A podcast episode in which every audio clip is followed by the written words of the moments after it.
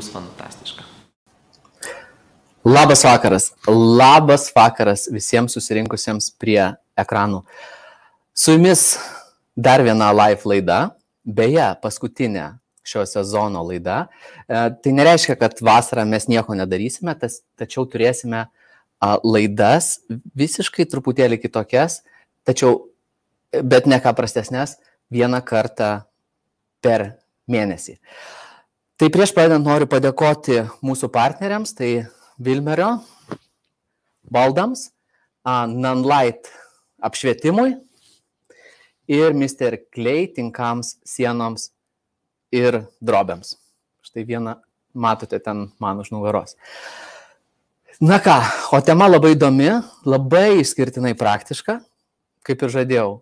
A, truputėlį pasikapstėme po psichologinės visokiausias e, niuansus ir grįžtame su labai praktiškomis ir naudingomis a, temomis. Tai šiandien mes kalbėsime, a, a, kaip, a, kaip atrodo kelias nuo hobio, nuo pasirinkimo savo a, karjeros link profesionalo, link profesijos. I, o svečiuose pas mus, a, sakyčiau, nesakyčiau, be jokios abejonės savo srities profesionalas a, Rokas Darulis.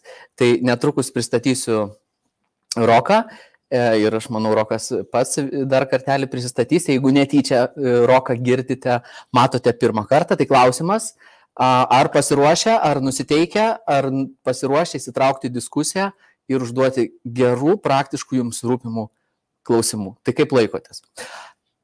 Ir ką? Viskas. Ai, ne viskas dar su mumis šiandien ir Brazė Photoschool ir vien, e, raginu taginti draugą komentare, kuriam ši tema, jeigu jūsų draugas pažįstamas um, yra fotografas, videografas, stilistas ar kitos kūrybinės ryties žmogus, galbūt jau profesionalas, o galbūt tik tai pradedantis šį kelią, tai ši tema uh, bus labai labai aktuali. O pabaigoje vienam, kuris tagino draugą arba draugus komentaruose padovanosime visiškai naujut naujutėlius pozavimo mokymus. Viskas. Pradedam. Rokai, Rokai, sveikas, sveikas gyvas. Sveiki, sveikas Tomai, sveiki visi. Ar girdit mane? Girdim puikiai, matom puikiai. Toj pasižiūrėsiu, ką mūsų klausytojai rašo ir, ir paprašysiu toj netrukus tavęs prisistatyti. Tai Štai Nerius sako labas vakaras visiems, malonaus vakaro, ačiū Nerijau. Arnoldas, labas Tomui Rokui, smagaus pokalbio, klausytėms, gero klausimasi, ačiū Arnoldai, tu galėtum pristatyti mūsų laidas jau netrukus, manau, gal net jau dabar. Gabija sako, o, o Gabija nieko nelaukdama, praktiškai tagina žmonės komentaruose, taip matau, matau, tagina, tagina, taginat. Ir Ramūnas sako, labas, labas. A, Ramūnai, ai, dar Inga sako, toj, toj, toj, toj Inga sako, tagina Aurelija sako, check this out. Tai Aurelija, check this out. Gerai. Tai Rokai, m, mm, trumpai, aš esu tik, aš, aš tai jau su tavimi esu bendravęs ir prieš metus maždaug mes turėjom Restart konferenciją, kur super fantastiškai pakalbėjom, paplėpėjom, dalinaisi savo išvalgom ir mhm. patirtimi. Um, paprašysiu dar kartelį, prisistatyk, ką tu darai ir kuo gyveni iš tikrųjų. Aha, sveiki, sveiki visi. Aš esu Rokas. Dirbu fotografu mados rytį, tai kaip ir pagrindė užsiemu mados fotografiją. Londone šiaip gyvenau, gyvenu apie 14 metų, bet 12 metų, taip sakykime, full time ir pastarosius 2 metus uh, kaip ir Lietuvoje gyvenau, keliavau dirbti į Londoną, o dabar, kai prasidėjo pandemija, tai paskutinius beveik metus praleidau vėl Londone, nes neišėjo keliauti. Um, tai va, uh, panašus į Elon Musk. ačiū, ačiū, nežinau. Uh, o šiaip man įdomu, visai norėčiau paklausti, uh, ai, o mes matom, kiek žmonių prisijungia, ar ne? Matom dabar 85 žmonės su mumis. Aha. Man įdomu, kiek žmonių mane jau girdė anksčiau, o kiek girdi pirmą kartą. Nežinau, ar man kažkaip čia pasiklausyti. Drąsiai, Rokai, tai e, gerbiami klausytojai, brūkštelkit, e, ar jau pažįstat Roką, ar pirmas kartas, pirmas susipažinimas? Ja, gal... brūkštelkit, kas pirmą kartą, o kas ne pirmą kartą, nes e, kažkaip man atrodo, kad aš jau esu apie, apie tą savo istoriją daug pasakojęs, bet jeigu tai yra daug kas, kas pirmą kartą klauso, tai manau, kad tada visai gal bus įdomu. Va, aš čia dalinuosi Rokai, žinok, nemažai žmonių rašo, sako, pirmą kartą eikti savo. Ja, daug, daug, daug žmonių, žiūrėk, rašo pirmą kartą. Ja, Geras. Aha. Aha. Geras. Liuks. Tai kaip sakant, paskleisim žinę dar apie, apie save, paskleisim, nes, žinok, vat, ta prasme, niekas neparašė, kad pažįstate. A. Tai, tai jau jaunesnė karta tikriausiai, uh, jau, gal jaunesnėje, nežinau.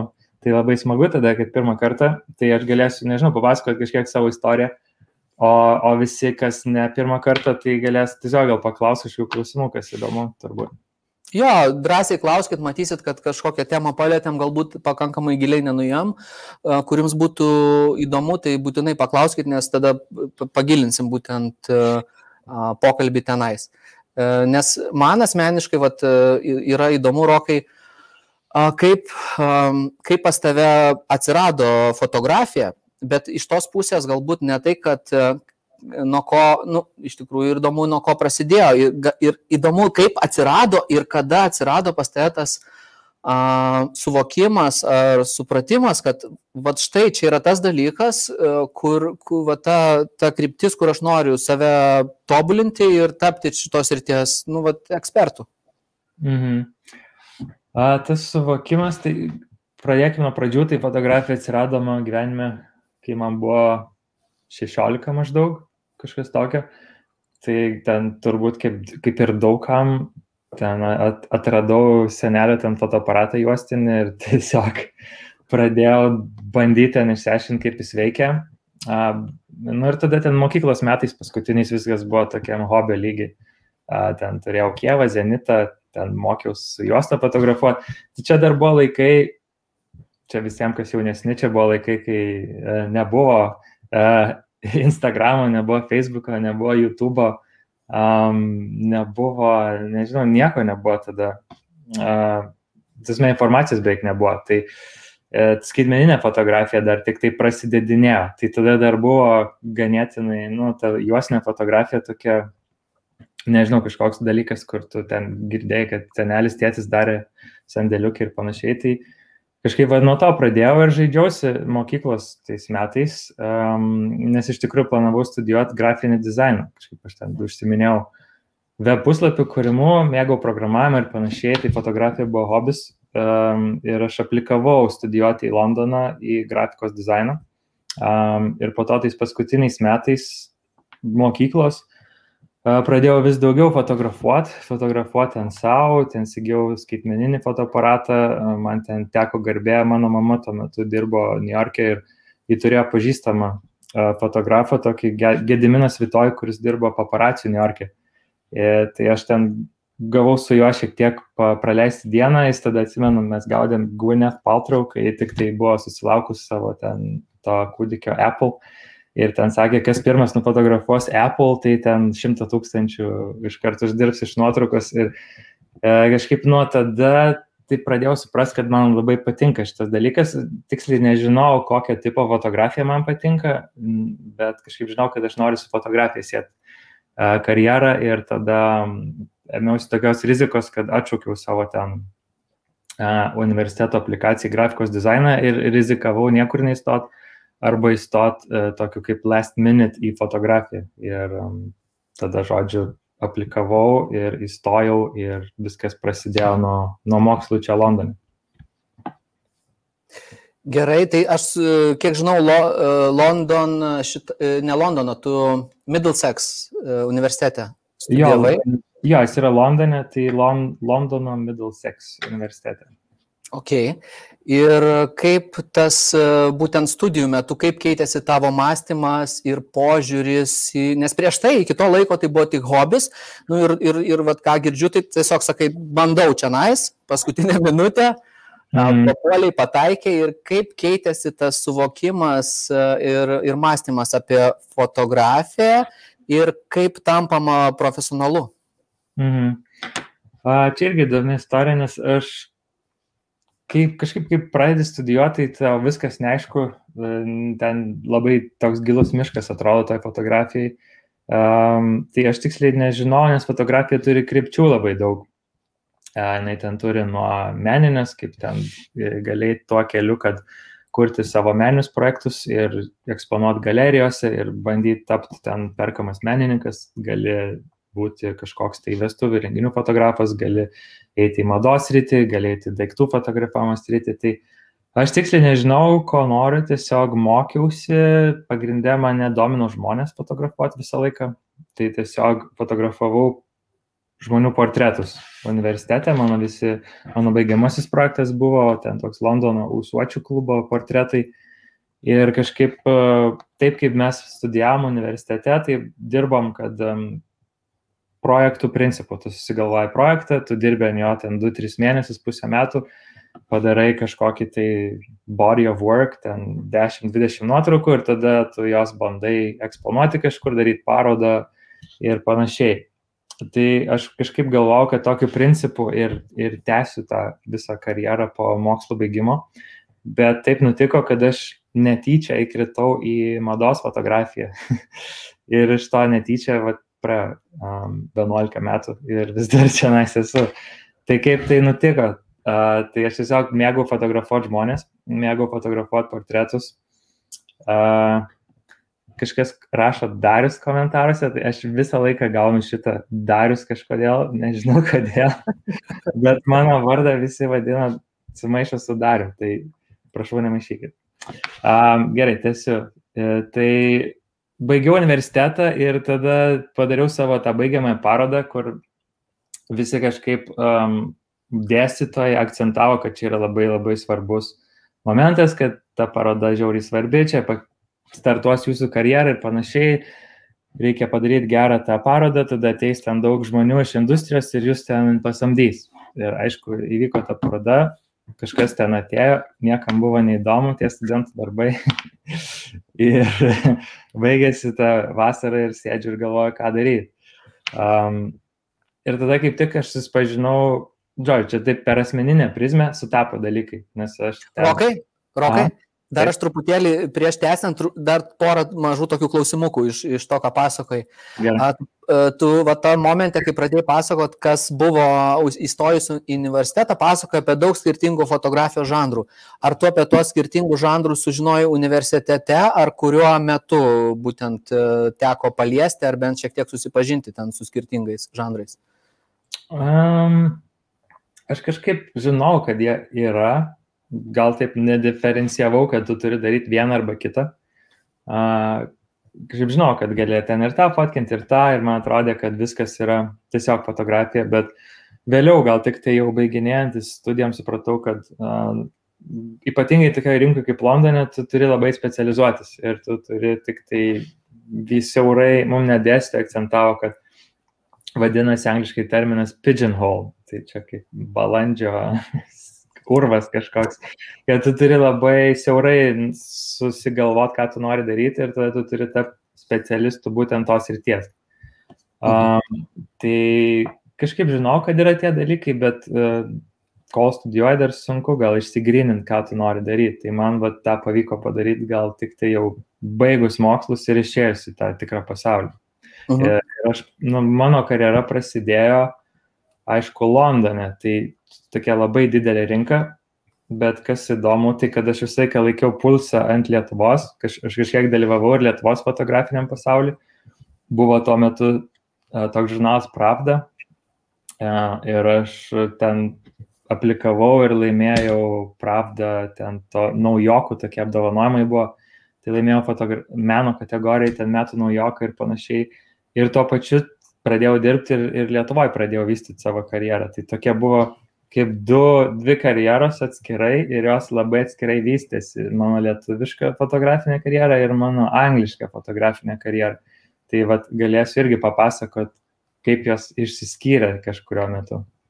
Okay. O kai dėstytojai sakė, kad vat, štai yra maža, ma, mažas urvelis balandžio ir reikia specializuotis į tą vieną sritį ir visą energiją dėti tenais, nebuvo studijų metu, kad kaip čia taip dabar mane įspausi tą tokią, žinai, mažą tarpelį, gal aš čia noriu ir tą, ir aną, ir trečią mhm. daryti.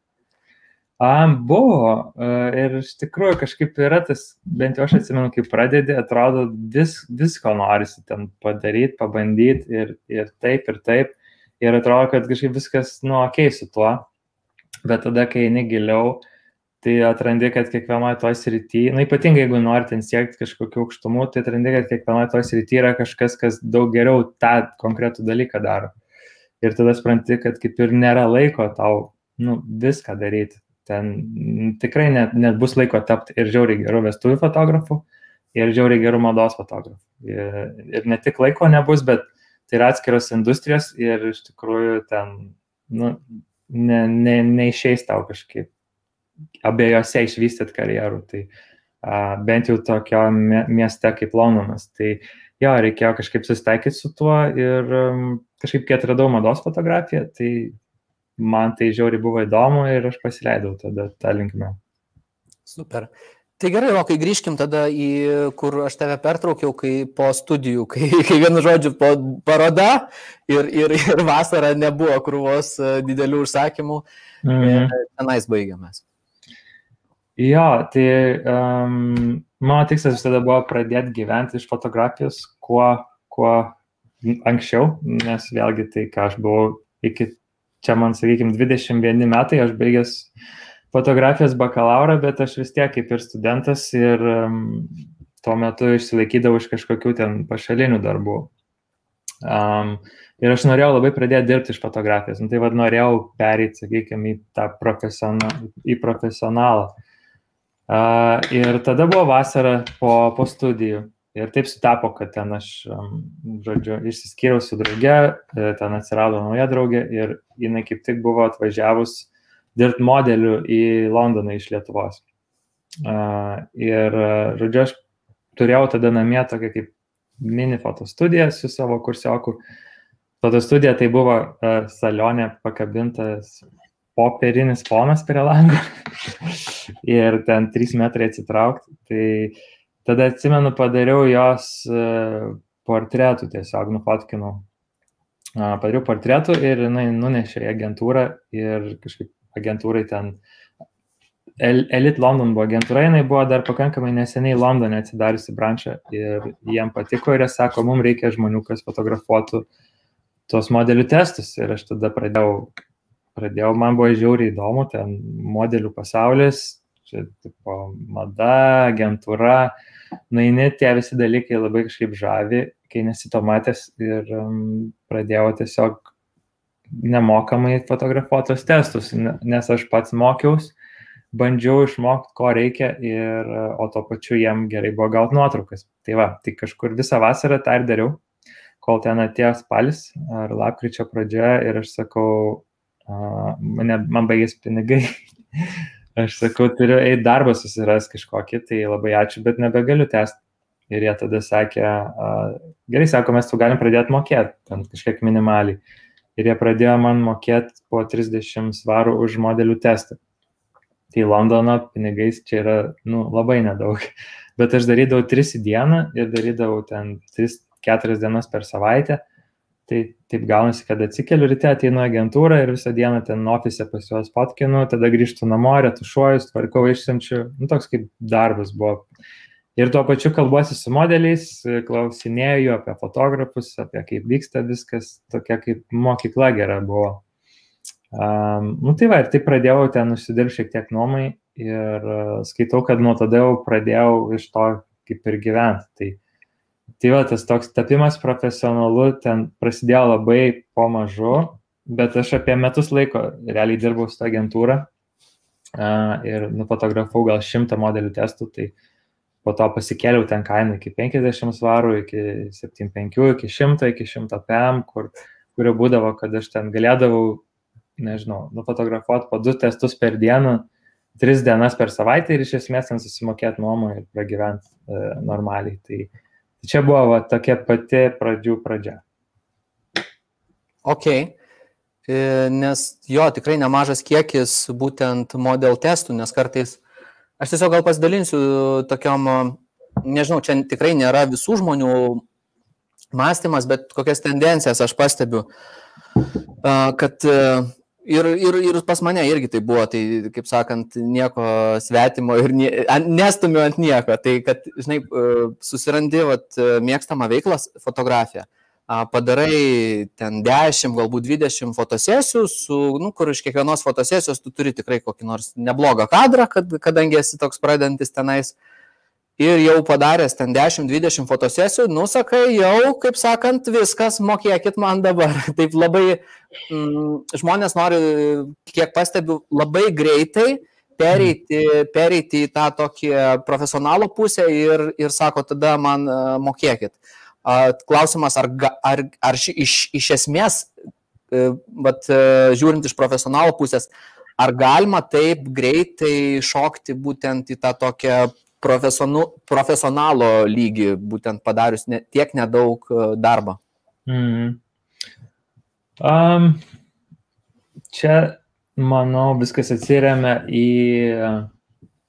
Čia iš tikrųjų toks natūralus procesas. Tai viskas kaip ir um, įvyks natūraliai. Manau, kad pagal, pagal patirties kiekį tu gali šokti tik tai į tam tikrą lygį. Tai sakykime, jeigu tu iš viso padaręs ten 20 fotosesijų uh, ir tavęs ten niekas labai nežino, tai labai mažas šansas, kad uh, tave paims reklamos agentūra ten dirbti prie kažkokios reklaminės kampanijos.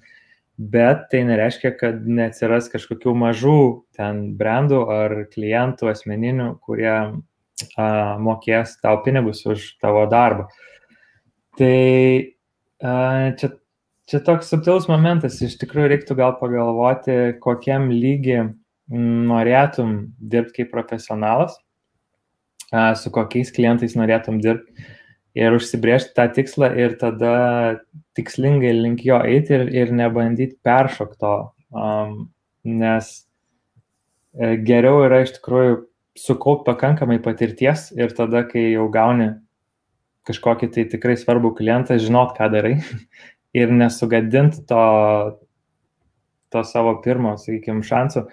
Nes e, jeigu taip nutiktų, kad be pakankamai patirties ateina proga, sakykime, kažkokiam tai rimtam, rimtesniam darbui, ten, sakykime, nežinau, gali klientas apsišaut, pavyzdžiui, jisai ten pamatys kažkokią vieną patinkančią nuotrauką, bet jis klientas nebus pakankamai išsilavinęs suprast, kad tai esi vis dar jaunas fotografas e, iš tavo darbų pavyzdžių ir e, užkrautų tau kažkokį tai darbą, su kuriuo tu nesusitvarkai, tai tada tu kaip ir sugadini santykius ir su klientu ir susigadini kažkokius ateities santykius. Tai um, bent jau čia Londone tai yra tokia, aš gal papasakau tą savo kelią iki tik tai kol pradėjau uždirbti pinigus, bet mano kelias iki kol aš tapau fotografu, jis truko 8 metus.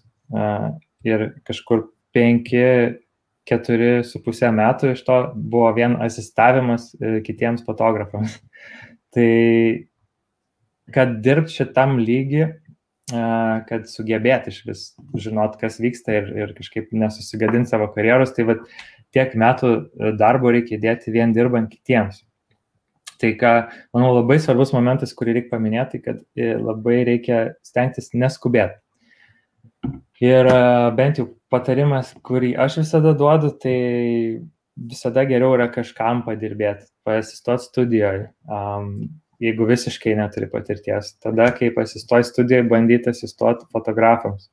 Ir tik tai, kai jau tu žinai, kaip elgtis fotosesijoje, kaip elgtis studijoje, kaip išsisukti iš situacijų, nes iš esmės, bent jau mados fotografija, tai yra visą laiką tave spaudžia laikas ir tu visą laiką sprendi problemas.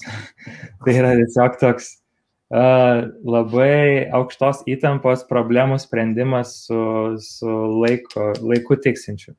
Nes um, visada yra priplanuojama per daug, ką reikia nupotkinti, uh, visada kažkoks elementas nesukrenta, ar tai būtų oras, ar tai modelis, kuris blogai ten juda ne taip, kaip norėtum, ar tai užtrunka per ilgai, ten makiažas ir plaukai, ar kažkas vėluoja ir tada tu jau ten nespėjai visko padaryti ir tada stresinė situacija prasideda, tai tu turi mokėti šitą suvaldyti visą. Um, mhm. Tai va, tai visada geriau yra neskubėti išeiti dirbti ant savęs, nesukaupus pakankamai bagažą, sakyčiau. Ok. Um, nes jo, aš stebiu Lietuvoje, kartais uh, profesionalai fotografai ieško asistentų ir žmogus pasistavęs, nežinau, 3-5 kartus, jau taip galbūt 10 kartų, nu, sako, aš jau viską žinau, ką jis daro, kaip jis čia daro, čia va šviesą pažiūrėjau, kaip jis čia, žinai, nustatymus pasižiūrėjau ir sako, jau gal tada užtenka. Papasakok, Rokai, ką, kaip tu stebėjai ir ko mokėsi asistuodamas. Mm. Um, oh, jo, asistuojant, um, vėlgi čia uh, papasakosiu, kaip, kaip čia viskas vyksta Londone. Tai uh, čia yra labai griežtos taisyklės, labai aiškiai hierarchija, kadangi tos fotosesijos yra ganėtinai didesnės skalės. Tai, sakykime, yra fotografas, kuris yra bosas e, ir jeigu tai yra kažkoks tai geresnis fotografas, jis dažniausiai turi tris, minimum tris arba daugiau asistentų. Um, ir tada yra, uh, yra digital technician, tai yra asistentas, kuris prie kompo dirba ir priminėja failus. Ir tada yra lighting asistentai, kurie tvarko šviesą. Ir dažniausiai pagrindinis lighting asistentas būna first assistant vadinamas. Ir tada jau eina kiti second assistant, third assistant, ten antras, trečias, kurie paklūsta jam.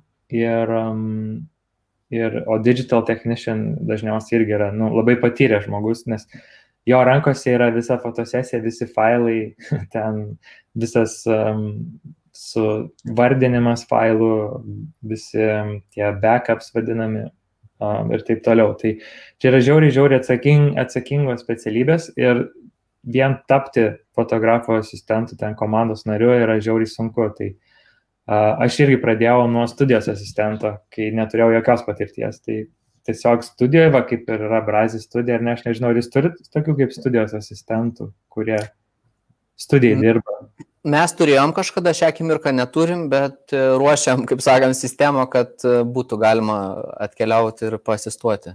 Mhm. Jo, tai yra žiauriai naudinga, net jeigu, ten, net jeigu kažkas neturi patirties, tai nemokamai praleis po kažkiek dienų ir būtų žiauriai super. Tai pradėjau tiesiog studijoje ir tada, ir tada tam fotografui, kuriam priklausė studija, um, po mažu pradėjau dirbti jam kaip jo ten trečias asistentas ar kažkas tokio. E, tai labai svarbu yra, aišku, išmokti etiketą visą. Tai tu kaip asistentas ten stengiasi, ne, nes, žodžiu, būti matomas, bet e, nes, nesikišti, kur nereikia. Ir tik tai atlikti savo darbą ir visada stebėti fotografą, visada stengtis pagauti akių kontaktą, jeigu jam kažko reikia, bėgti ir paimti ir padaryti greitai. Um, tuo pačiu, jeigu tu esi antras, trečias, tai tu klausai pirmo asistento ir viską darai per jį ir panašiai ir tiesiog tenktis visiems kuo labiau padėti. Um, ir tai tuo pačiu tu tada dalyvauji, bet ir, aišku, matai viską, kas vyksta, matai visas problemas, kurios ten iškyla, matai, kaip jos sprendžiamas, matai, kaip fotografas bendrauja su klientu um, ir panašiai. Um, šiaip patarimas asistentam arba tiem, kas nori asistuoti, tai čia bent jau aš iš savo pusės žinau, nes aš gaunu laiškų su žmonėm, kurie nori asistuoti ir jie siunčia man savo portfolio. Tai jeigu norite asistuoti, ne tik, kad nereikia siūsti portfolio, bet gal, gal ir geriau nesiūsti jos iš vis. Um, nes Tai jeigu jūs turit, jeigu jūs siunčiat fotografo portfolio, tai aš iš fotografo perspektyvos papasakosiu, kad uh, aš pasižiūriu, jūs turit fotografo portfolio, jūs, jūsų ten e-mailas, ten nežinau, kažkas eta, kažkas fotografy, tai jūs jau pozicionuojate kaip fotografą, tai tada, nu, mano nuomonė, jūs jau su savo portfolio ir fotografiniu e-mailu eikit ir fotkinkit, tada aš ieškau žmogaus, kuris ateina dirbti man, mokytis ir, ir padėti. Tai net jeigu aš turėdavau savo fotografinį mailą, aš visada kaip asistentas naudodavau savo asmeninį, ten darolis rokas, eta gmail, uh, nenaudodavau savo fotografijų mailo. Tai fotografai nenori jie nenori konkurencijos ir, ir jie nenori kažko, kas, va, kaip ten ateis, pasižiūrės nustatymus ir, ir išeis. A, tai reikėtų svarbiausia, svarbiausia tokie kaip savybės, ko ieško žmogus e, asistentė, tai yra tiesiog um, žingeidumas, kad tu nori žmogaus, kuriam tikrai įdomu, kuris tikrai nori. Ir uh, ne tiek patirtis, kiek gal tiesiog faina asmenybė ir noras, nu, noras ir, ir laisvumas, availability. Kad tu turi būti laisvas, jeigu, tarkim, aš sakau, hei, gal gali šitą dieną, tai turi sakyti taip. Jeigu tu vieną kartą pasakysi ne, gal antrą kartą paklausiu, bet jeigu antrą kartą pasakysi ne, tai tikriausiai nebesikreips niekas. Ok, aš irgi tą pantrinsiu tau, nes kartais žmonės irgi parašo, kad nori pasistuoti ir uh, Ir būtent irgi akcentuoja labai įdomius dalykus. Sako, aš norėčiau pasistuoti, labai noriu išmokti studijos apšvietimo, ten dienos šviesos apšvietimo, nu vien žodžiu, noriu skilsų, žinai, skilsų, skilsų, skilsų. O kaip fotografui, kuris ieško asistento, tai nereikia žmogaus, kuris nori išmokti skilsų. Kad jūs norit išmokti, viskas gerai. Bet pirmiausia, pasižiūrėkit, ko reikia tam žmogui, kuriam jūs norite asistuoti. O reikia, vat, tai, ką Rokas sako, kad reikia, kad pirmiausia būtų uh, profesionalus bendravimas, ne, kad tas taktiškumas būtų, kad būtų noras e, užbėgti žingsnį į priekį ir stebėti, ką tam pačiam fotografui reikia, dar jam net nepasakius. Mhm. Jo, būtent. Tai man, nu, kaip svarbiausia asmenybė, tai svarbiausias savybės, gal ko aš ieškau, tai, nu, jeigu aš dėčiau interviu kažkokį, tai man šiaip žmogus, su kuriuo aš sutarčiau kaip su žmogum gerai ir tada toks, nu, kur kur nereikia rodyti, nes būna žmonės, kur ten, nežinau, atvažiuoji kažkur, tu ten iškrovinėjai, užsidedinėjai kuprinę ir ten stovi ir nieko nedaro. Tai nu, visą laiką turi tiesiog galvot, kad tu turi būti kuo naudingesnis ir nuimti kuo daugiau darbo nuo to fotografo, kuriam dirbi. Um, tai va, tai Tiesiog jo tokie dalykai. O jau ką išmoksi, tai, nu, tai išmoksi, čia negali ateiti toks, aš noriu to, to ir to. Nu, ne, čia ne tu kažko tai prašai, čia tu ateini dirbti kažką. Tai va. okay. Papasakok, Rokai, dabar asistavai, kiek ten sakė, 4-5 metus. Mhm. Ir kaip, kaip tas tavo būtent tas momentas, kai jau tu pradėjai um, judėti, nu nežinau, koks kitas žingsnis buvo link profesionalo judant po asistavimo, kaip, kaip viskas dėliojasi pas te. Mhm.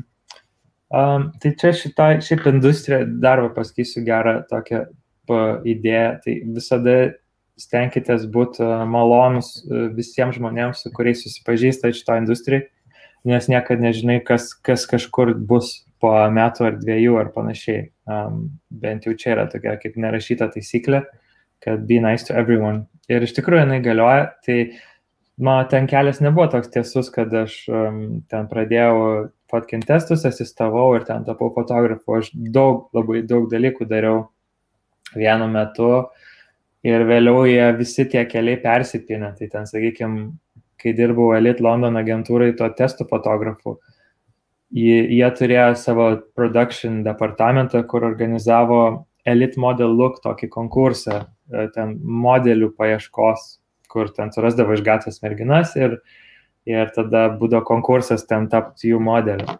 Ir aš, jie važinėdavo po visą Angliją ir fotkindavo tuos castingus. Tai aš ten važinėdavau nemokamai su jie savaitgaliais į ten visokius miestus ir nemokamai jai fotkindavau, kad padėt tiesiog. Na nu, ir man buvo įdomu. Ir po to, po kažkiek metų, jinai išėjo iš, iš elite agentūros ir nuėjo į asos.com kas yra ten Eisos, gal žinot, drabužių firma. E, nu ir tada jinai mane po to pasikvietė ir davė man interviu ir priemė ten fotkint tą e-commerce. Tai aš kažkada fotkinau asos.com visų tą online kontentą. E, tada per vienas ten fotografas, kur susipažinau su jo ten visažistų, tada aš ten jo paklausiau kontaktų ir jis man ten nurodė kitus fotografus, kur dirbti. Tai iš esmės tai plėtėsi, plėtėsi tas tinklas per vienus žmog, žmonės, per kitus. Ir tada galų gale, kai pagrindėtas žingsnis iš asistento, tai yra kažkada vis tiek turi pradėti fotkint ir turi pradėti spausdintis kaip ir nu, žurnaluose ar kažkur. Tai bent jau čia kaip veikia, kad yra um, fotografai turi asistentus ir tada stilistai turi asistentus, ten laukų stilistai, visažistai, visi turi asistentus. Tai ilgainiui, kai tu dirbi ten su tom pačiom komandom, susipažįsti su tais asistentais ir tada asistentų komandos pradeda kažką tai ten veikti ir kurti. Tai aš va taip e, tiek asos.com patkindamas susipažinau su labai daug stilistų, su kuriais pradėjau tos vadinamus test shoots daryti. Čia kai darai kaip ir žurnalinę fotosesiją, bet tu ją darai ne žurnalui konkrečiam, o savo ir po to bandai siūsti žurnalą ir galbūt kažkas ją išspausdina. Tai va, tai pradėjau pamažu, pamažu išsispausdinti, tada su kitais asistentais iš savo fotografų, stilistų asistentų pradėjau kartu dirbti ir mes ten galvodavom idėjas ir fotkindavom, aišku, ten be biudžeto kambarį, prie lango, laukia, kokiam tik įmanomam sąlygom e, ir irgi ten buvo pradėję pavykti jau į vieną kitą žurnalą, ten po kelis puslapius gal. E, tai va taip, pamažu, pamažu kažką tai veikdavau. E, ir kas jokingiausia, tai kad kol aš ten Londone dar dažydavau studijos grindis ir dirbdavau studijos asistentu, Lietuvoje mano karjera ten jau kaip ir buvo prasidėjusi, ten aš turėjau interviu kažkiek iš spaudos, ten laimėjau tą pravdą, ten dariau parodą po to ir um, aš parskrisdavau Lietuvą, mane parsiskraidindavo, aš patkindavau ten švyturio reklamą kažkokią tai, ar ten Danijos batų reklamą, kur ten aš turėdavau savo asistentus ir panašiai. Ir, ir tada būdavo gatvės tenduose reklamos ir tada išskrisdavau Londoną ir ten dažydavau grindis studiją ir kavą virdavau. tai toks, va, tai va, buvo prasiskyrę tie, ta, tie, žodžiu, karjeros ten ir čia, bet kažkaip galvojau, kad uh, vis tiek, sakau, aš noriu, aš noriu Londoną, darysiu viską, ką galiu, kad va, čia man paėtų. Tai dėl to. Rokai, jeigu, jeigu Lietuvoje fotografuoji švyturio reklamą ir didžiulis standas ten stovis, didžiuliai standai, e, tai nereiškia, kad e, nuvažiuosi į Londoną ir irgi taip pat e, galėsi kažką daryti, nes kartais nufotografavus keletą tokių didesnių kampeinų Lietuvoje gali pasirodyti, kad jo, viskas, aš jau galiu, galiu užkariauti pasaulį. Jo, yra, yra, va, tas um, iš tikrųjų išsiskiria labai pa, pas, pasaulinė rinka, jinai, sakau, labai negailestinga ir labai labai, labai siau, siauros tos rytis kiekvienas. Um, ten, sakykime, net aš madoji dirbu, bet aš irgi dabar esu ten tik tam, tam tikram lygiai klientų ir panašiai. Ir tai yra labai strateginiais judesiais tu turi perėti kitą lygį. Tai yra pradėti dirbti tik su tam tikrais stilistais. Uh, išsispausdinti tam tikrose žurnaluose, negali rodyti tada jokių kitų darbų, ką darai, ten negali rodyti beveik komercinių jokių darbų. Nu, čia labai, labai tokie subtilus po to tie judesiai yra judėti toliau. Ir um, kažkada, kai jau išmoksti, kaip tai veikia, kartais supranti, kad, um, nu, žinau, ko, ko reikėtų, ten kilt dar aukščiau ir tiesiog nenoriu mokėtos kainos. kai, kai tik pradedi, kažkaip atrodo, kad viskas yra įmanoma ir ten čia dar porą metų ir aš čia tapsiu geriausias pasaulyje, bet uh, aš irgi taip maniau ir galvojau, čia aš nesustosiu, kol čia nebus top 10. ir tada pradedi ten įsiveli tą visą, pradedi viduje dirbti ir tada supranti, ko, ko reikia, kad būtum tas top 10 ir supranti, kad mm, aš taip nenoriu taip gyventi. Tai Tai vat, irgi pasirinkimai tada jau ateina. Ok, e, tai toks kompromituojantis truputėlį klausimas, ar jau esi, kaip sakant, susistabilizavęs ties kažkokia vieta, ar dar, dar ten matai horizontų? A, šiuo metu tai ne, negalvoju, labai, labai keisti metai buvo tokie, kur, nežinau, man praeitą pusmetį ten iš vis nieko nevyko, a, šitą dabar čia nuo, nuo naujų gal šiek tiek atsigavo viskas labiau, bet e, nežinau. Mm, kažkaip žinau, kad gyvent kažkaip Londone full time nebenoriu, man čia atsibodo. Norėčiau Vilniui gyventi ir keliauti darbam toliau, bet dar visai svarstau gal Ameriką kažkada pabandyti, New Yorką kokiam, nežinau, metam keliam. Ok, Čia kaip tik vieną klausimą turim ir jisai manau, kad visai gerai bus susijęs į kitą dalį perinant. A, taip, Gabė mūsų klausė, sako, ar tiesa, kad didžioji dalis fotografijos verslo priklauso nuo sėkmingos vadybos, o ne pačios fotografijos. Ir čia galbūt atsakant į šitą klausimą galim pereiti po truputėlį į būtent, ar tu pats ieškai klientų, ar turi agentūrą ir kodėl būtent, nu aš žinau, kad tu turi agentūrą, tai kodėl tu turi agentūrą? Uh, ja, tai aš, e, tai aš esu reprezentuojamas agentūros um, nuo 2014 metų. Uh, tai aš pats neieškau klientų, um, bet, bet galėsiu papasakot, kaip, kaip veikia mano. Tas mes vis tiek turiu pats kaip ir gauti klientus.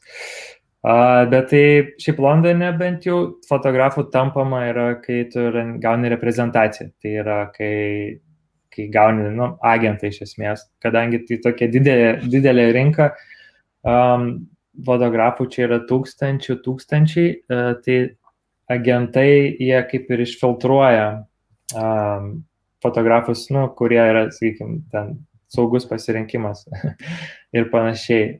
Tai visada visų tikslas dažniausiai, kas pradeda, yra nu, gauti agentūrą. Um, ir aš kažkaip dirbau link to ten aštuonis metus ir 2014 aš jau sakiau, nu, gana, aš sakau, aš Londone aštuoni metai, aš vis dar asistuoju, uh, gyvenu ant nulio, gal čia ta svajonė ir atsibodo ir tiesiog noriu grįžti į Lietuvą ir nu, aš Lietuvoje fotografinę karjerą kaip ir turėjau, tai galvoju grįšiu ir, ir dirbsiu Lietuvoje. Ir aišku, tu toks likimo ironija, kad tada mes su buvusią draugę išsikraustėm 2014, literaliai susikroviau visas dėžės ir išvažiavom į Vilnių. Ir aš grįžau, čia turėjau grįžti atiduoti um, raktų būto. Ir kaip tik tada aš ten gavau pakvietimą į savo agentūrą dabartinę ir jie sakė, ten ateik, ateik pakalbėti, gal kažką, čia buvo antras sustikimas.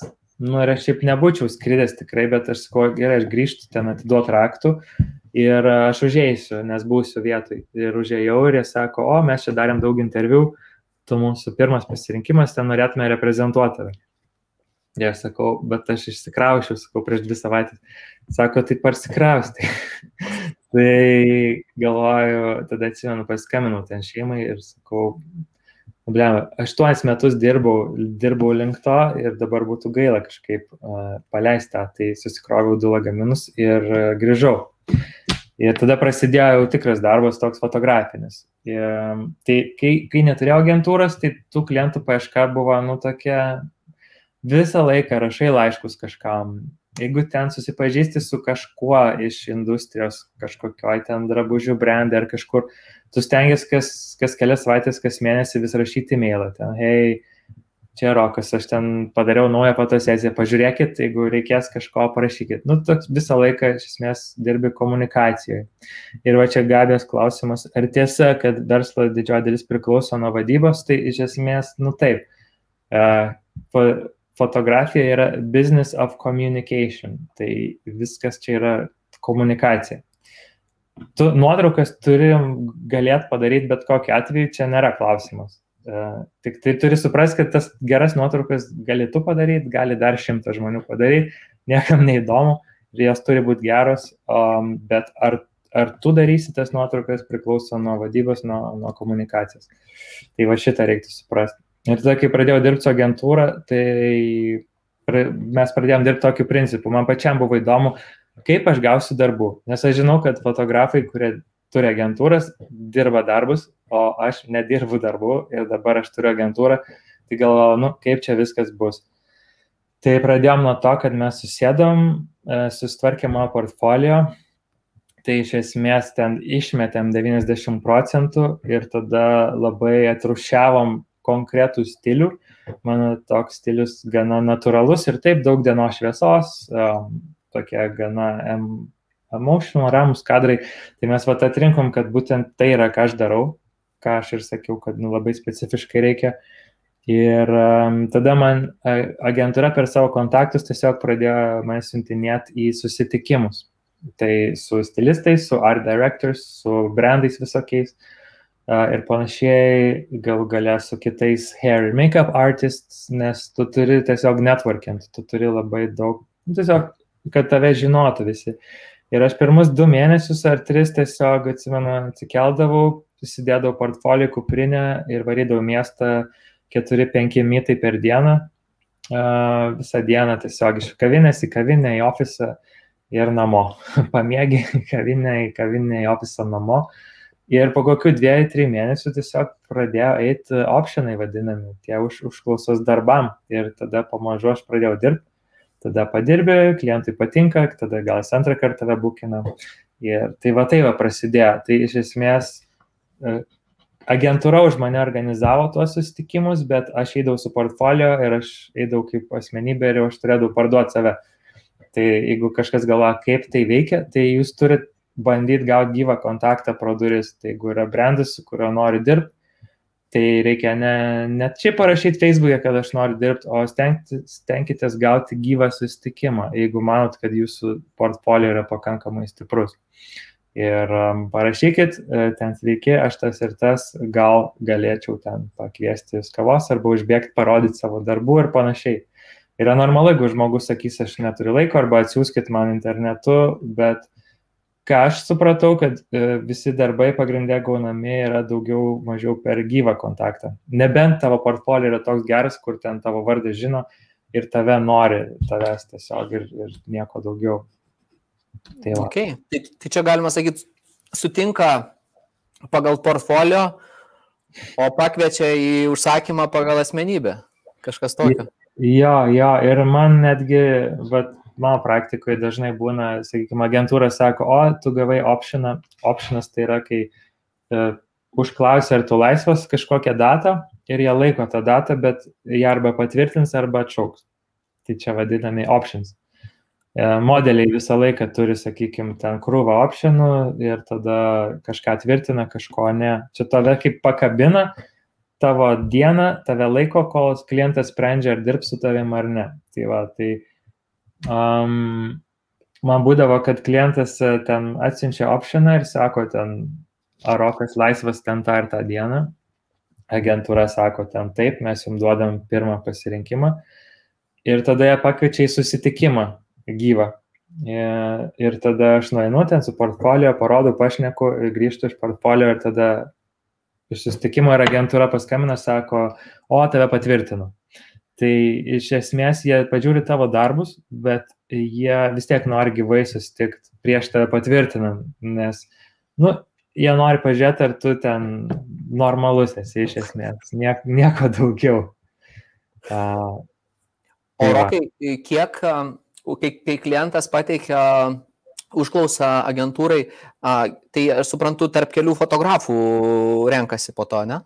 Jo, jo, dažniausiai būna, kad ten, sakykime, svarsto. Man net agentė pasako, sako, va, turi optioną, jie renkasi iš trijų fotografų. Um, ir tu žinai, kad kažkuris vienas iš jūsų gausit, bet tu laikai tą datą ten iki, kartais iki paskutinės minutės. Tai čia normali praktika kažkaip yra ir um, su modeliais dar labiau, sakykime, jeigu, jeigu mes darydavom žurnalai fotosesiją, tai castingo direktoriai ten kažkur galėdavo 20 modelių uždėti optioną ir e, aš žinau, kad tik vieną jų tvirtinsim, bet vat, pakabina 20. Tai va taip veikia. Ok. O šiaip toks įdomus klausimas, ar pats e, žinai dėl e, be portfolio, nu, ok, dėl portfolio, aišku, įsirenka, kad tu esi stiprus padaryti tai, ko jam reikia techniškai, o šiaip būtent kodėl tave pasirinkdavo, pasirenka, pasirinkdavo vienu ar kitu atveju, pats galėtum atsakyti į šitą klausimą? Nu, šiaip įdomu. Ar nu, pas, pas kažkaip pasidomėdavai, pasismalsaudavai, pasiklausdavai? Um, kažkaip dažniausiai tai manau, kad pagrindė dėl darbų. Nes visgi klientai, su kuriais dirbdavau, jie dažnai ir norėdavo labai panašaus stiliaus nuotraukų, kaip kad aš darau. Tai aš niekada negaudavau ten nieko, kas yra labai nutolę nuo mano fotografijos. O pats geriausias ženklas yra, kai ateini į tą susitikimą ir jie turi moodboardą pasidėlioję kažkokį ir tame moodboardė yra tavo darytos nuotraukos. tai jeigu pamatai, tai jau kaip ir viskas aišku, kad beveik turi tą darbą.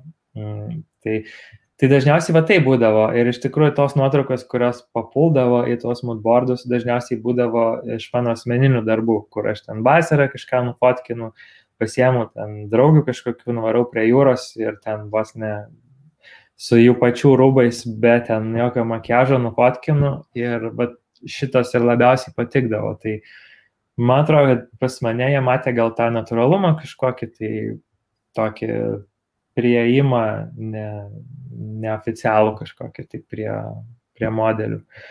O po to tai šiaip man atrodo, aš um, stengiuosi būti neužnisantis ir toks, kuris sutarė su žmonėm. Nes dauguma darbų irgi yra ten daug dienų, pavyzdžiui, ten dirbi. Aš dabar praeitą savaitę dirbau ten tris dienas, už dar kažkuria keturias, tai e, būna kelionė. Tai tu, jeigu tu toks žmogus, kur nenori žmonės praleisti dienos su tavim, tai irgi negausi darbo.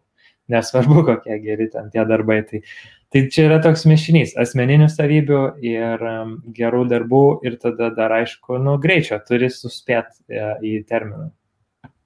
Ok. Man toks klausimas. Kartais būna, kad e, žmonės, kurie vat, yra kažkokiam augimo kelyje, sakykime, ir siekia to profesionalo karjeros, pradeda tiesiog žiūrėti, aha, rinkai reikia būtent šito. Ne? Ir tada pradeda grinai orientuotis į tą sritį, e, mhm. kaip šitas variantas, nes aš ką girdžiu iš tavęs, tu tiesiog leisdavai savo kurti tai, ką, nu, ką tu nori, nevaržomai, Ir mm. tada iš to ateina pas tave visi užsakymai ir nu, klientas būtent nori tai, kas tau labiausiai patinka. Ar toks kelias, kur sakau, kad tu orientuojas tai, ko rinkai reikia ir tada stengiasi pritemti save link ten, galimas ar jisai toksai nelabai? A, jis galimas yra, yra, yra kažkokie stiliai, a, tokie, kurie ateina ir praeina. Tai būna, kad fotografai savo stilių kažkiek tai patempia link, link trendo. Trendai yra. Bet e, jeigu tai bendraja prasme, tai klientas nežino, ko jam reikia. Ta prasme, rinka nežino, ko jai reikia, ko jį nepamato. Tai jeigu tu iš savęs savo kurdamas, um, gali sukurti kažką, kas patiks, e, klientai patiks rinkai, tai tu būsi laimėtojas, nes kažkas pamatys ir, ir jie atsakys, wow, aš taip nemačiau, aš noriu taip, aš noriu būti pirmas, kuris tai padarys. Čia tik tai šitas bičias taip nufotkinės, jis dar niekam nedarė, mes įmam jį. Ir tada visi kiti gausis, kad, nu, jie pradės kopijuoti tave, jeigu tu tapsi trendy. Nes kitu atveju tai gaunasi, kad jeigu tu taikysi prie rinkos, tai tu tiesiog jau kopijuoji kaž, kažkieno tai tą vat, sukurtą trendą ir tada tu visada būsi tas pigesnis, tas blogesnis, tas, kuris kopijuoja. Um, tai pats geriausias kelias yra daryti um, kažkaip iš savęs ir taip, kad, tu, kad tau pačiam patiktų, kad tu pats džiaugtumai savo darbu, tada jį aišku rodyt ir tada, jeigu jisai patinka kažkam, tai super. E, gali būti, kad jisai niekam nepatiks irgi. E, tai, nu, čia toks turi tada žiūrėti, aišku. Um, vėlgi, nu, yra geri menininkai, yra blogi menininkai, tai visokių tų darbų yra, bet man atrodo, kad geriau pradėti bent jau nuo buvimo savim. Ir, gali paimti ten į kažkokių influencers iš kažko, bet Bet jeigu tu padarai savaip, tai tada didelis šansas, kad tai surezonuos su klientu ir jisai sakys, wow, mes ten norim taip, nes dar taip nematėm. Super. Renata mūsų klausia, čia tas šiek tiek apie agentūras klausimas, o sako, o tai kaip dėl atlyginimo agentūra ir, ir jūs kažkiek, agentūra ir jūs kažkiek gaunat nuo klientų užsakymų.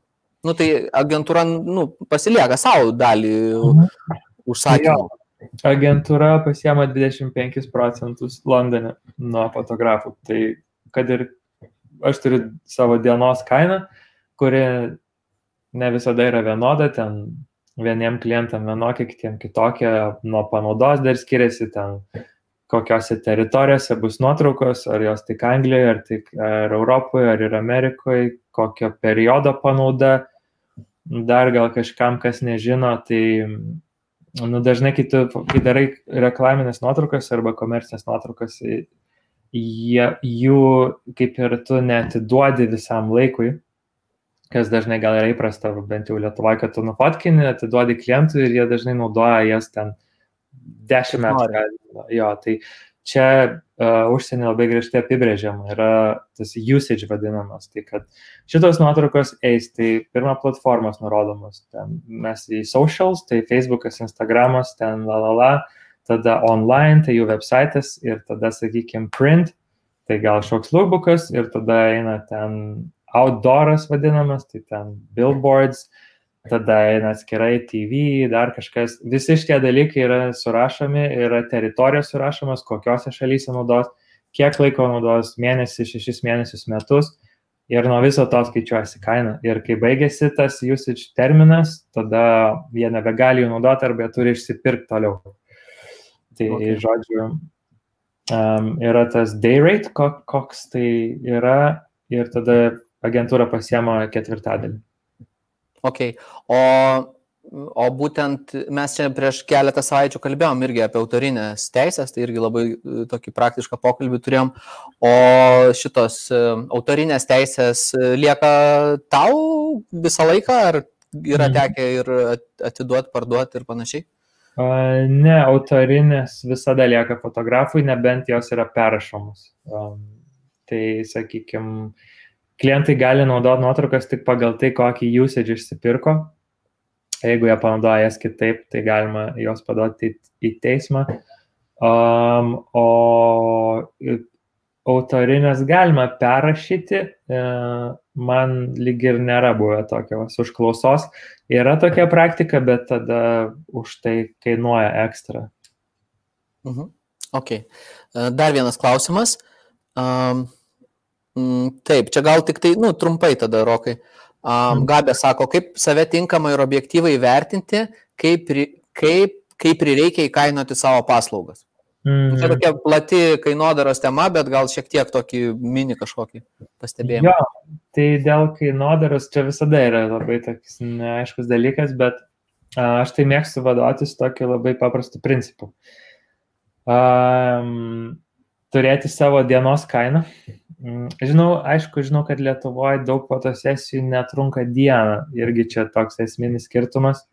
Tai tada tokiu atveju gal reikėtų sakyti valandos kainą. Um, tai sakykime, ten valandos, trijų valandų ir dienos, sakykime, turėti kainas.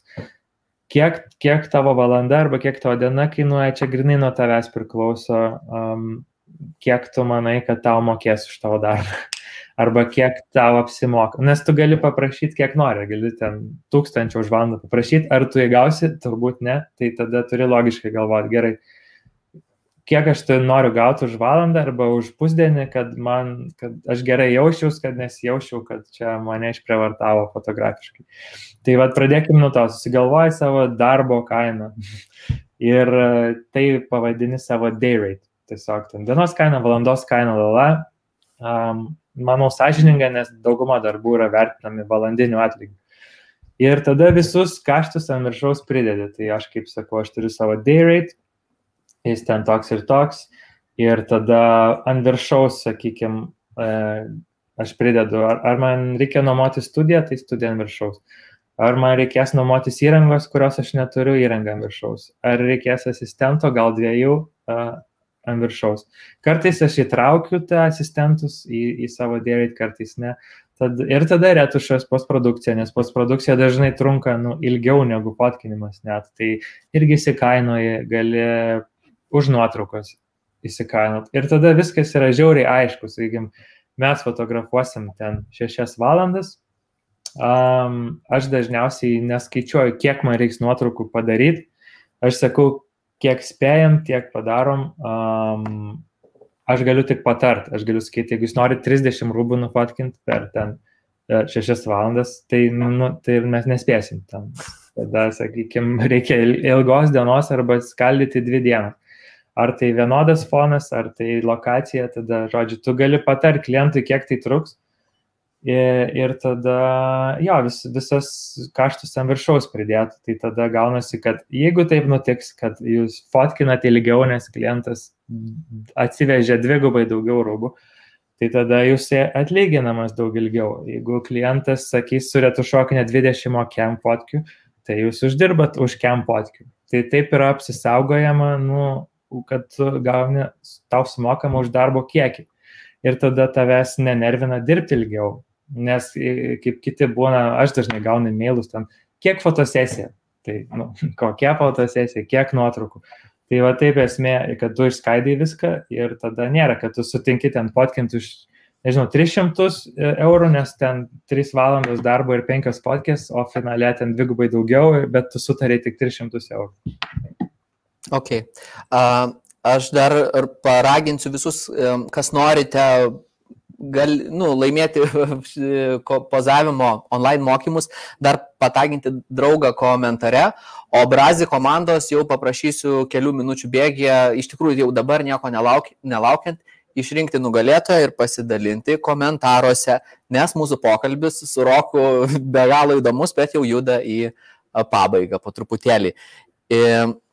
Rokai, dar vienas klausimas, Remigijus ja, klausia. Dar atsakyti klausimų. Tai taip, taip, taip, taip. Hmm. Tai, oi, ne tą įmečiau. Tai pra, yra be abejo dar klausimukų būtinai, nes labai geri klausimai ir mes vat, būtent labai gerai nu, nukeliaujam. Tai Remigius klausia, Rokai, sako, jog e, technika yra pervertinama, bet ar tikrai, ar įrangos kokybė turėtų kilti su patirtimi, ar geriau griebti gerus dalykus anksčiau? Dėkui. Ačiū mm. Remigijui už klausimą. Um, mm, mm, mm, mm. Lemba, nežinau, sunku atsakyti. Nu, pavyzdžiui, aš dirbu visada su kaip ir nu, viršutiniu to technikos e, lygiu, tai jis yra labai labai ten siauras, ten nėra iš ko rinktis. Aš su Nikonu dirbu, tai aš dirbu su D850 ir uh, kažko geriau Nikone kaip ir nėra. Um, tai man ten su technika labai paprasta aš visada kaip ir emu beveik geriausia, ką, ką galima ir viskas. Dabar kodėl aš imu Nikoną? Aš anksčiau dirbau su Canonu, bet pavyzdžiui, Canono didžiausias rezoliucijos modelis, tas 5, 5D, kurio dirbau, buvo tik tai 30 beros megapikselių. Ir tada aš jau žiūriu pagal, pagal darbą. Tai dažnai būdavo, kad man klientai nu, reikėdavo ten kirpti kvadratą.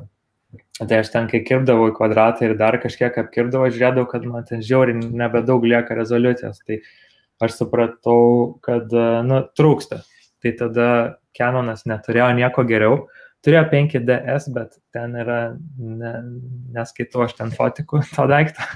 Uh, tai tiesiog turėjau tada keisti Nikoną, nes žinau, kad man grinai reikia rezoliucijos pagal mano klientus, nes jiem pagal tai, ką daro, trūksta. Uh, Um, reikia žiūrėti, jeigu jūsų pagrindė klientai yra ten as, nu, žmonės, sakykime, as, asmeniniai žmonės kažkokie, tai jiems tikriausiai nereikės 50 megapikselių, uh, tai tada nieko baisaus yra tikrai turėti mažesnės raiškos fotiką. Uh, aš tai technikos visai nesureikšminu, ji turi būti tiesiog pakankamai gera. Tai uh, jeigu ten nėra būro kažkokio, nėra net 10 megapikselių ir e, nėra baisiai noisy viskas, tai tada iš esmės nėra skirtumo. Jeigu žmogus žiūrėdamas į fotkę nesupranta, kad čia daryti su pigesniu fotiku, tai gali daryti su pigesniu fotiku. Aš objektyvus iš vis mėgstu naudoti tos pačius pigia, pig, nu, pigesnius, ne, niekada nepirkdavau ten L klasės. Um, aš tos perku ten 1.8 nes aš asmeniškai nematau skirtumo uh, ir man aš tiesiog sutaupau, jie dažnai būna darbė ten kažkur dušta ar dar kažkas, tai, nu, toks, kad turi būti praktiška. Aš fotiką mėgstu, aš jos saugau labai, bet būna, kad ten apsidaužo ar kažką, tai tiesiog, kad būtų praktiška įranga.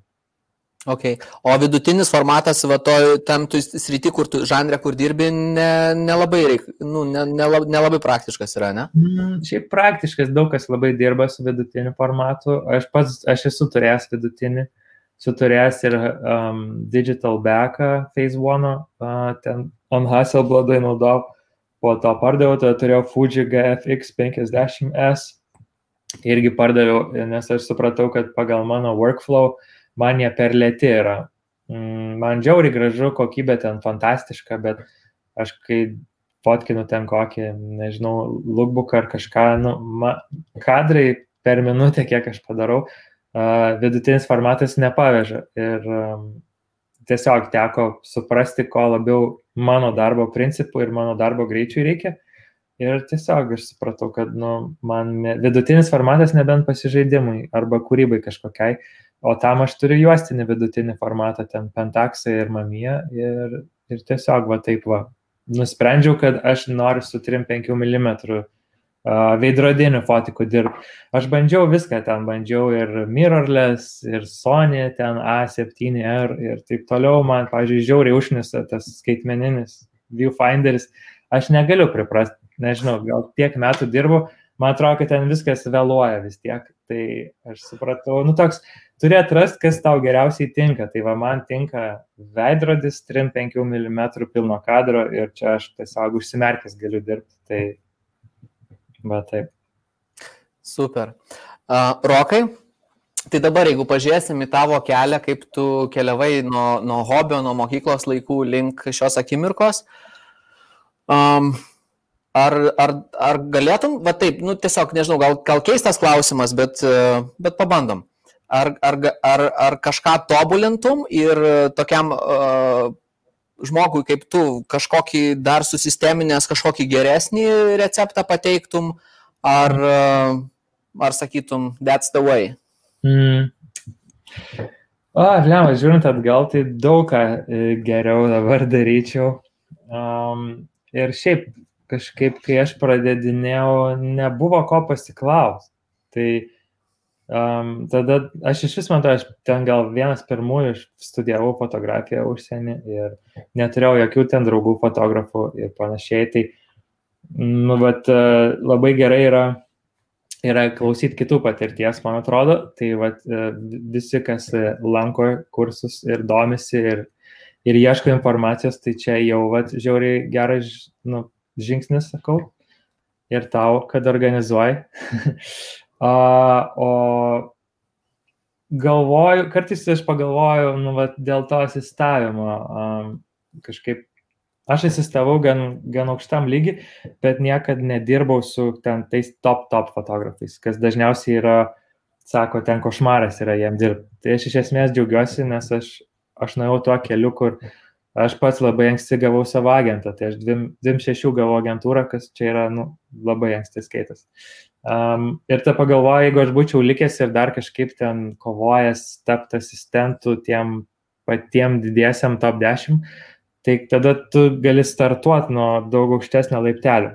Ten, sakykime, aš išėjau ir ten aš turėjau vėl kop toliau kaip fotografas, kai tu išeini iš tų žmonių asistavimo, tu jau va čia va, pradedi. Uh, Tai toks, nu, galvoju, kad galėjau gal dar neskubėti fotkint porą metų ir dar, dar padirbti dar tam lygiai. Um, bet to pačiu čia niekada nežinai, gali, galėjo tai būti arba ne taip. Um, tai tiesiog, jo, apart to, tai matyt nieko nekeičiau, kad um, esmė būtų alkanam, uh, ne, nesistengti ten kažkaip tai labai aplenkti savęs ir ten nueit kažkam padirbti vieną savaitę ir sakyti, aš jau viską moku ir tada bandyti atimti jo klientą, nes nu, natūraliai ne, nesigaus. Tai visi tie dalykai užsitarnaujami per laiką ir, ir to pačiu ir gerai, nes tada tu praktikos sukaupi. Ok. Tai, tai čia girdėjau tokių gandų, kad yra fotografų, kurie uh, pamato, pat kaip Lietuvo, nu, kažkokie profesionalai Lietuvos dirba ir pamato, su, ko, su kuo dirba ir tada rašo užsakovams, kad sako, gal, pas, gal su manim norit padirbėti. ja, puikiau padarysiu. Na, blemba, aš nežinau. Jeigu Čia toks, čia nu, tas podžius, man tai atrodo fotografija čia nėra, kas, nu, kas pigiau padarys, vis tiek jeigu tu išsilavinęs klientas, tai tu renkės fotografą dėl nu, kažko tai jo darbe, o ne, ten, ne kaip duona perki ant discountą. tai jeigu yra klientai, kurie, kurie paims tokius žmonės, tai nu, well done, ta prasme, mm, tegul. Uh, bet vis tiek, tu, kai savo vertę sukursi užsitarnaudamas ją, tai manau, kad čia ne, neaplenksi ilgai, ilgai prasme vis tiek neperšoksi niekur virš galvos. Ok. Klausimas iš manęs. Kaip, kaip tu matai vat, Lietuvos tą profesionalią virtuvę a, iš perspektyvos Europos? Kaip jinai tau atrodo? Bet taip, nu, nuo širdžiai atvirai, nebijant, nu, tiesiog. Mhm. Tai jinai atrodo kaip labai labai labai maža rinka. Ir tai yra problema, gal sakykime, mažos populacijos. Uh, tai ten, nu, mes galim sakyti, oi, ten kodėl pas mus čia nėra penkių asistentų ir kodėl ten biudžetai maži ir panašiai. Ir aš pats ilgai galvojau, nu, kodėl, kodėl, kodėl klientai nenori mokėti ten, kodėl tiek mažai. Ir tada kažkaip pamažu viskas taip man susidėlioja, kad pagrindinė problema tai yra, kad pas mus nėra nu, didelių klientų. Tai viskas pradėtų keistis nuo, nuo tų užsakovų. Tai sakykime, jeigu pas mus, žiūrint į, gerai, aš, iš, aš madoj dirbu, aš galiu iš mados perspektyvos sakyti, kad kas yra didžiausi mūsų mados klientai. Nu tai gerai, ten tai yra mados linija gal ir ten dar kažkas ar ne, tai čia net nėra brandai, čia yra parduotuvės, kurios parduoda brandus. Iš dizainerių, kas pas mus yra, kas parsiduoda ten tarptautiškai. Tai, nu, vienas, kitas, kažkas smulkiai. Pas mus reikėtų va tokių dalykų, kaip va turi ten skandinavai H&M, kaip turi Zara ispanai. Kai pradės atsirasti, nebūtinai tokiam lygiai, bet bent kažkas, kas pardavinės į užsienį, dideliais kiekiais ir pradės gauti didelės pajamas ir tada į tarptautinę tą rinką viską taip sureguliuoja, kad jeigu tu nori pardavinėti į užsienį, tu turi palaikyti tam tikrą kokybę. Um, aš ten, pavyzdžiui, turiu vienus klientus šiaip Lietuvoje, lininius tokius drabužius, kurie, aš turiu dar laiko čia trumpai papasakoti. Be abejo, Rokai. Gerai.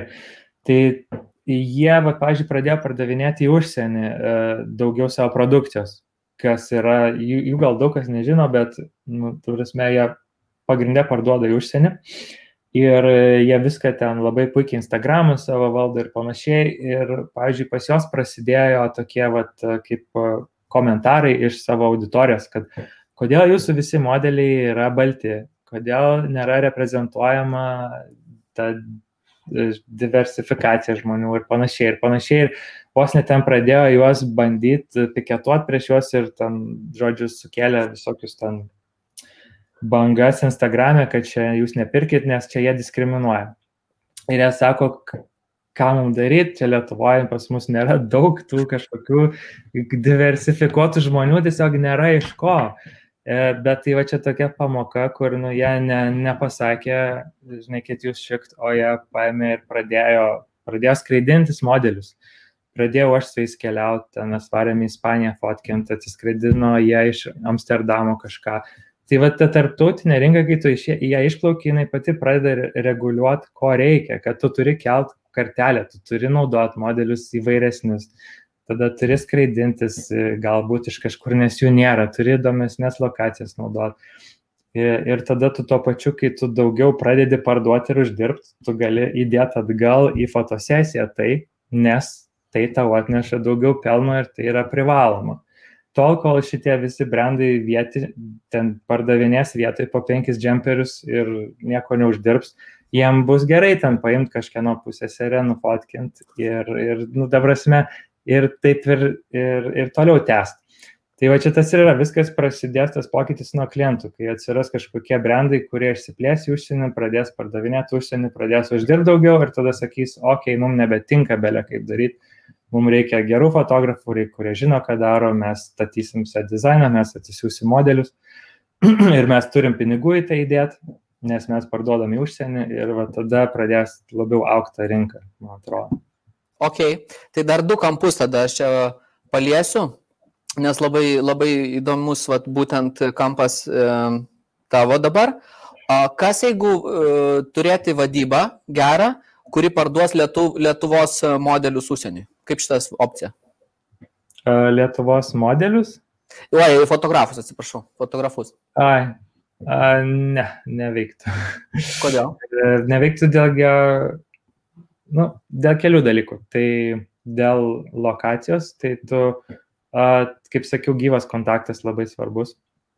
Um, tai jie, jeigu ir būtų agentūra iš Lietuvos, tie fotografai turėtų būti toj vietoj, į kur ta agentūra juos pardavinėja, nes klientas norės susitikti, norės gal myto kažkokio ir panašiai, mm, nelabai tikėtina, kad jie atsidarys Lietuvos agentūrą ir sakys, mes nežinom šito žmogaus, nesam su juo kalbėję, bet davai skraidinamės būtent į uh, čia nais pas mus, nes, nes kodėl, nes yra kažkas gyvai, kas padarys.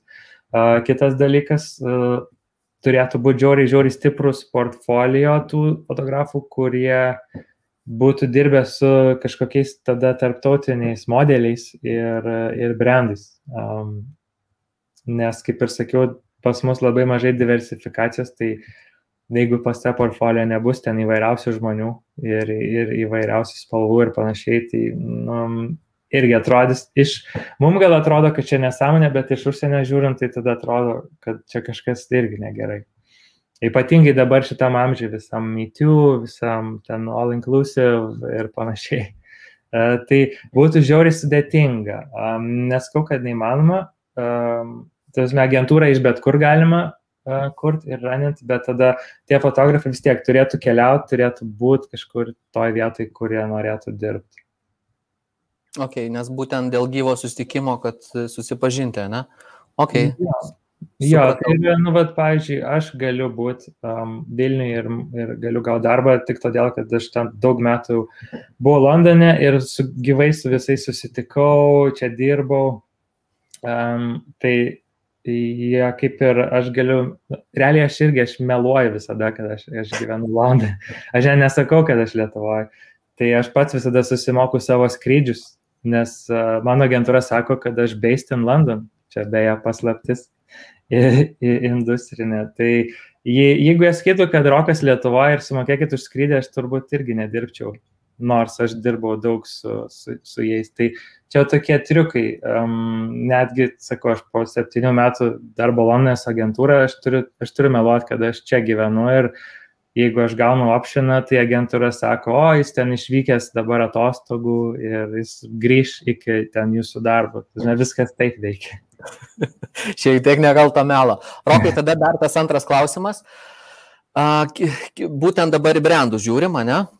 Mhm. Kur buvo tas, kad didelis brandas, kuris parduoda užsieniui, daug parduoda užsieniui ir tada gali leisti savo pasamdyti gerą fotografą, gerą komandą surinkti ir nu, gerą rezultatą sukurti.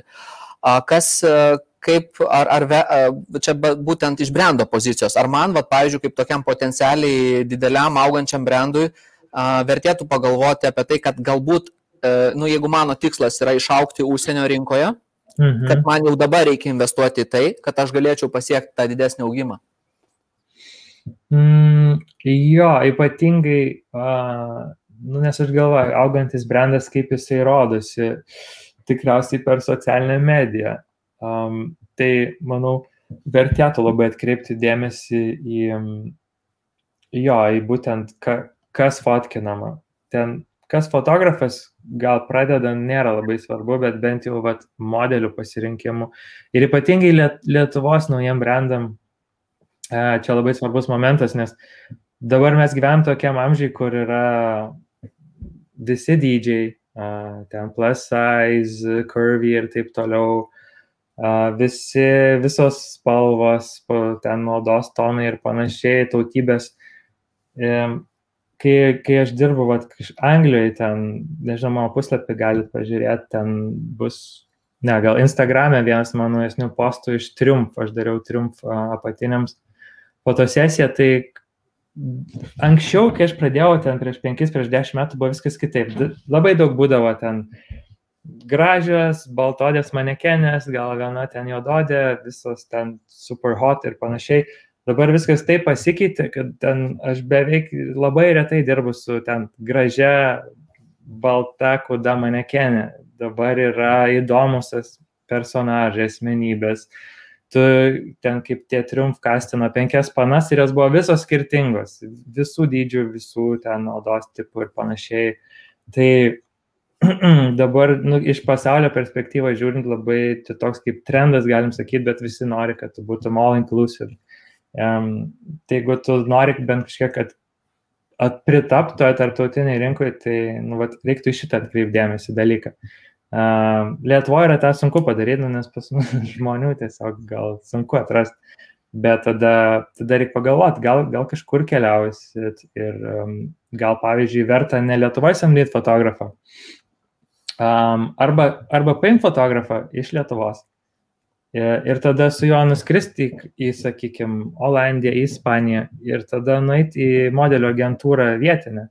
Ir, ir iš ten paimti kažkokiu tai ten modelių, kurių niekas nematė, nei Lietuvoje, ar, ir kurie dirba tarptautiniai rinkoje, pasidaryti tą fotosesiją ten. Tai tada tavo, brando, tavo brandas atrodys tikrai international ir, to, ir Lietuvoje tavo nuotraukos atrodys, kad tu dirbi užsienį, nes bus ten modeliai iš užsienio, bus lokacija visiškai nauja ir panašiai. Tai čia toks, jo, gal verta pergalvoti, kaip tą nu, požiūrį, kaip, kaip prieinama prie to reklamos savo. Super rokai.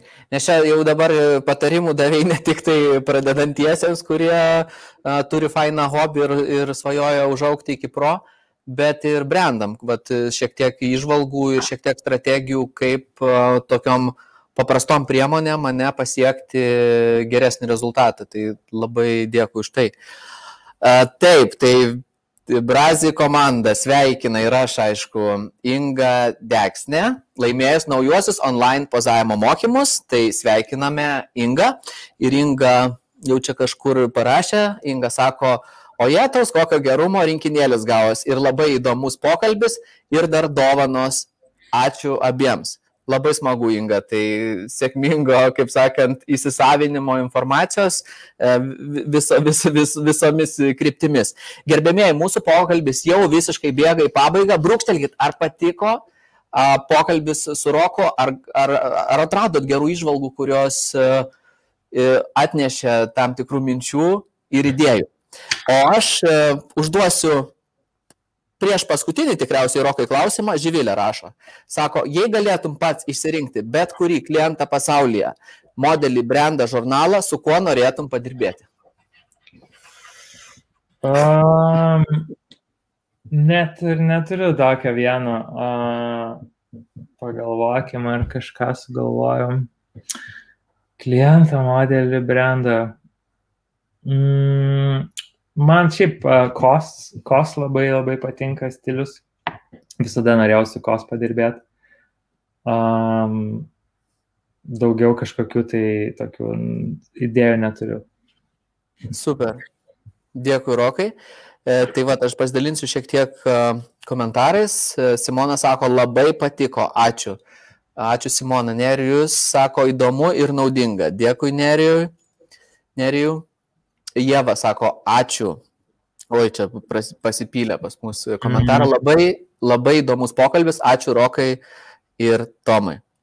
E, jo, Gabija sako. Mm, sako, va, viskas žingsneliais. Jo, tai čia yra ne, ne, ne sprintas, o maratonas. Tai aš, aš sakykime, kiek jau dabar mano šitas kelias yra gal, sakykim, 16 metų nuo, nuo pačios pradžios. Ir tai aš dar jaučiu, kad, nu, dar tikrai daug, daug vietos yra judėti kažkur tolyn. Ir sakau, aštuonis metus man užtruko vien, vien Londone asistuoti, studijuoti, dirbti, kad, kad tik pradėt fotkint. Tai nežinau, jeigu čia yra kažkas, kas tik tik pradeda, tai jo svarbiausia yra supras, kad nu, ne, nenorėt visko greitai, bet kad čia toks nuolatinis darbas e, tada atneš rezultatų. Super. Rokai, nes aš iš tikrųjų norėjau ir paklausti, ką palinkėtum pradantiesiems, bet tu jau atsakėjai. E, tai aš dar kartą gal pakartosiu, kad e, visas tas judėjimas nuo, nuo hobio, nuo starto iki tokio pro, pavadinkim taip, iki profesijos, tai yra ne sprintas, o maratonas. Taip. Tai, kaip taip. sakant, paskirstykit savo jėgas ir kad, žinai, po metų jau nebūtumėt, oi,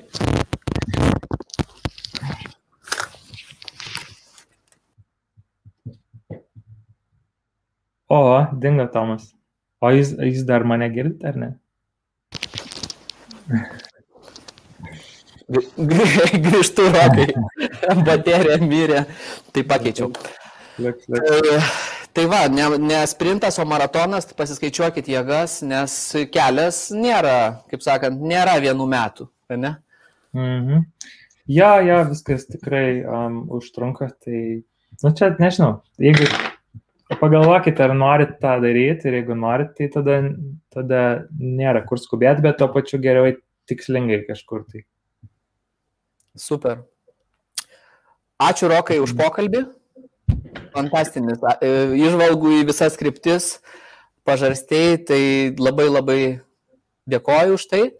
Um, tai aš atsisveikinu, net, aš, atsis, aš dabar tave nuleisiu žemyn ir atsisveikinu Mhm. su klausytojais ir dar truputėlį pabūk, norėsiu padėkoti tau dar asmeniškai akis akį. Gerai? Gerai, tai sekit mane Instagram'e, Rokas Darulis ir ačiū visiems už laiką. Instagramas Rokas Darulis. Užmeskite akį, nes nemaža dalis dar nesat matę, nesat girdėję Roko, tai būtinai užmeskite akį, kaip jisai save pristato ir kaip, kaip atrodo viešoje erdvėje. Ačiū Rokai. Ačiū. Na ką, gerbėmėjai, dėkui už jūsų dėmesį, už jūsų išvalgas, už jūsų komentarus. Fantastinis vakaras. Primenu, tai buvo paskutinė Alive sezono laida nuo vasaros, kuri jau prasideda už kelių dienų. Mes e, kalbėsime šiek tiek kitų formatų vieną kartą į mėnesį, e, bet pažadame paruošti labai įdomias ir naudingas temas. Da, norėjau padėkoti mūsų partneriams, kurie kūrė kartu su mumis, tai Vilmerio baldams, a, Nanlight apšvietimui ir Mr. Clay e, drobė, e, drobėms, tinkams, drobėms ir sienams. O su jumis buvo Tomas Brazinskas ir Alive laida iki, norėjau sakyti, iki susimatymo lygiai už dviejų savaičių, bet iki susimatymo lygiai už mėnesio.